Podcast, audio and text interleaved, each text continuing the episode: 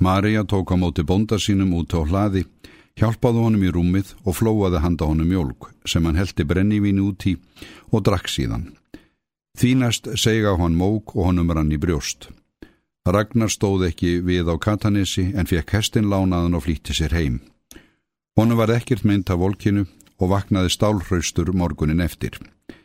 En Haldur var það halda kyrru fyrir. Hann hafði rifbeinsbrotnað og bringubeinið brákast.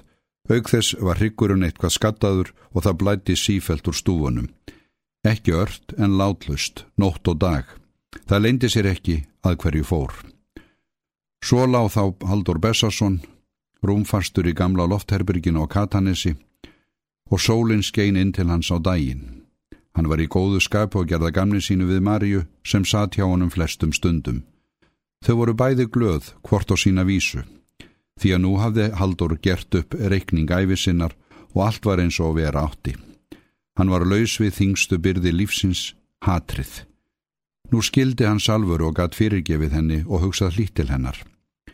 Hann komst að þeirri niðurstöðu að skaparinn hefði reynst honum vel þrátt fyrir allt. Nú sá hann að mótlæti hans var honum sjálfum að kenna. Hann hafði alltaf byggt hjá þegar mest á reyndi. Hann hafði árum saman beði með að segja Ingilín hugsin uns hún kastaði sér í fangið og öðru manni. Það var byrjunin og sökin var hans. Salvuru hafði hann svikið. Hann hafði raunar þraukað þetta með Marju en ekki verið henni góður, gert henni lífið leitt og grít henni bestu árum hennar á glæi og Ólafi Koti. Ó nei, sumarsindir voru þess eðlis að maður drýði þær gladur og virti refsinguna að vettugi. Gunna var svo eina sem hann hafði reynst vel, en samt var sorgin sem henni hafði á handum borið runnin af hans rótum. Raunar var vist og satt að oft virtist því illa sem maður gerði snúið til góðs en ekki var það honum að þakka og sök hans söm. Margra bölbæna hafði hann beðið salvuru meðan hann hataði hana. Guð mátti vita hvort hatur þeirra kæm ekki niður á börnunum. Kanski ætti fyrir honum að liggja að horfa upp á það í hinu lífinu að ílgreðsið sem hann hafði sáð heldi áfram að vaksa og yrði saklusum niðjum hans til sársauka og kvalar. Það var nú þetta með gissur. Honu var oft hugsað til hans þessa daga. Hann hafði vanrækt rengin, þó hafði gissur frá honum sumt það sem orðið hafði til ógæfu. Bara að allt snýrist til góðs fyrir gissuri. En þrátt fyrir allt var hann sæmilega ánaður. Hann fann að vísu til kvíða þegar hann sá fram á að hverju fór, ekki var því að neyta, en hann harkaði af sér. En var hann þó sá maður að hann þyrða að horfast í augu við dauðan. Þetta er leiðin okkar aðra og honum var ekki vandara um en öðrum og hann sá enga ástæðu til að kvart yfir hlutskipti sínu í lífinu. Það var margs góðs að minnast. Hann hefði margan fengin hreft og verið hilsugóður, blíðu kvenna hafði hann notið ríkumæli og blessuðum börnunum þótt undur væntum hann og góður var orðstýr hans að lokum. Öll mungáti lífsins var beisku blandin en oft hafði hann fengið vænan teig og það skipti mestu. Hann let eftir sig mannvænleg börn, þau myndi ekki gleima Haldóri gamla og baráttu hans verða þeim eggjun. Og ímislegt lág eftir hann á Katanesi. Þess sáust þó merki að hann hafði búið hér. Guðmyndi varla reynast þreyttum erfiðismanni harður dómari, hann sem var, er og verður, hlaut að skilja þetta allt og vita tilgang þess. Og vist er þeim sem skilur, auðvelt að fyrirgefa. Hann kendi brjóstum salvuru, Mikið hlaut svo kona að hafa elskað hann, en ólánið var að hann hafði aldrei endurgoldið ást hennar og myndi aldrei gera. Vist var honum hlýtt til hennar fyrir að ala honum þennan mannvanlega són, en aðeins einni unni hann hugástum og næsta henni setti hann nú orðið konuna sem hafði verið förunautur hans á lífsleiðinni. Þreytur af þessum hugsunum og heilabrótum lokaði hann augunum og kvarf til draumsins fagra þakklátur forsjóninni fyrir að eiga sér hann hreinan og óflekkaðan. Oft lifði hann unaðstundir þegar hann rakti slóðliðin ára, fortíð, nútíð og framtíð runnu saman. Hann var utan og ofan við tilveruna og einhverjum björtum sælustad þar sem hann var einn með yngilín. Dægin sem síslumadurinn þingaði í vóginum fengu þeir Haldur og Gissur bóðum að mæta þegar á þingstað. Haldur var þá með hressasta móti. Hann klætti sig og reið óstöður inn í vógin. Á góðviðri stögum var þingað á flötinu utan við Vestlunarhúsin en væri regning fór þinghaldi fram í stóra vörugeimsluhúsinu. Kvisast hafðum sveitina að eitthvað óvenjulegt stæði til og mikill mannfjöldi sapnar saman á þingstaðnum þegar þeir katanesfeðgar komið þangað.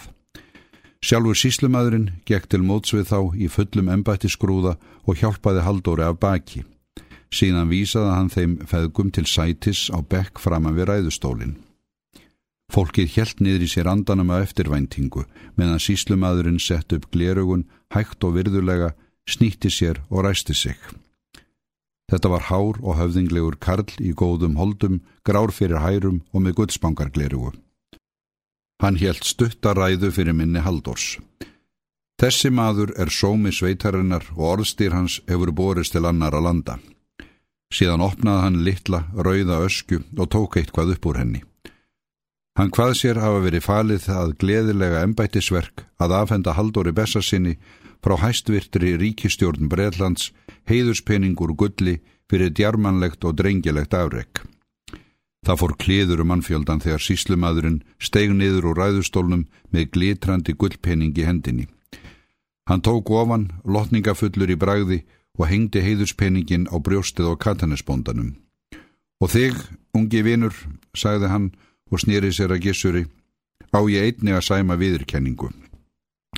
Gamli maðurinn sem þið björguðus sendir þér þessa peninga og byður þig að gera sér þá ánæju að þykja þá sem þakklæti svott frá honum sjálfum, tengda sinni hans og dóttur. Og nú, góðir áherundur, hann snýri sér að mannfyldanum, nú tökum við lægið, og allir tóku undir. Að söngnum loknum var gissur horfin og Haldur satt einn eftir á bekknum. Menn komi hver af öðrum að ósko honum til hamingju, allir voru hærðir og sömur með tárin í augunum. Hannes Langbrók stóð við hliðin á honum og grét hástöfum.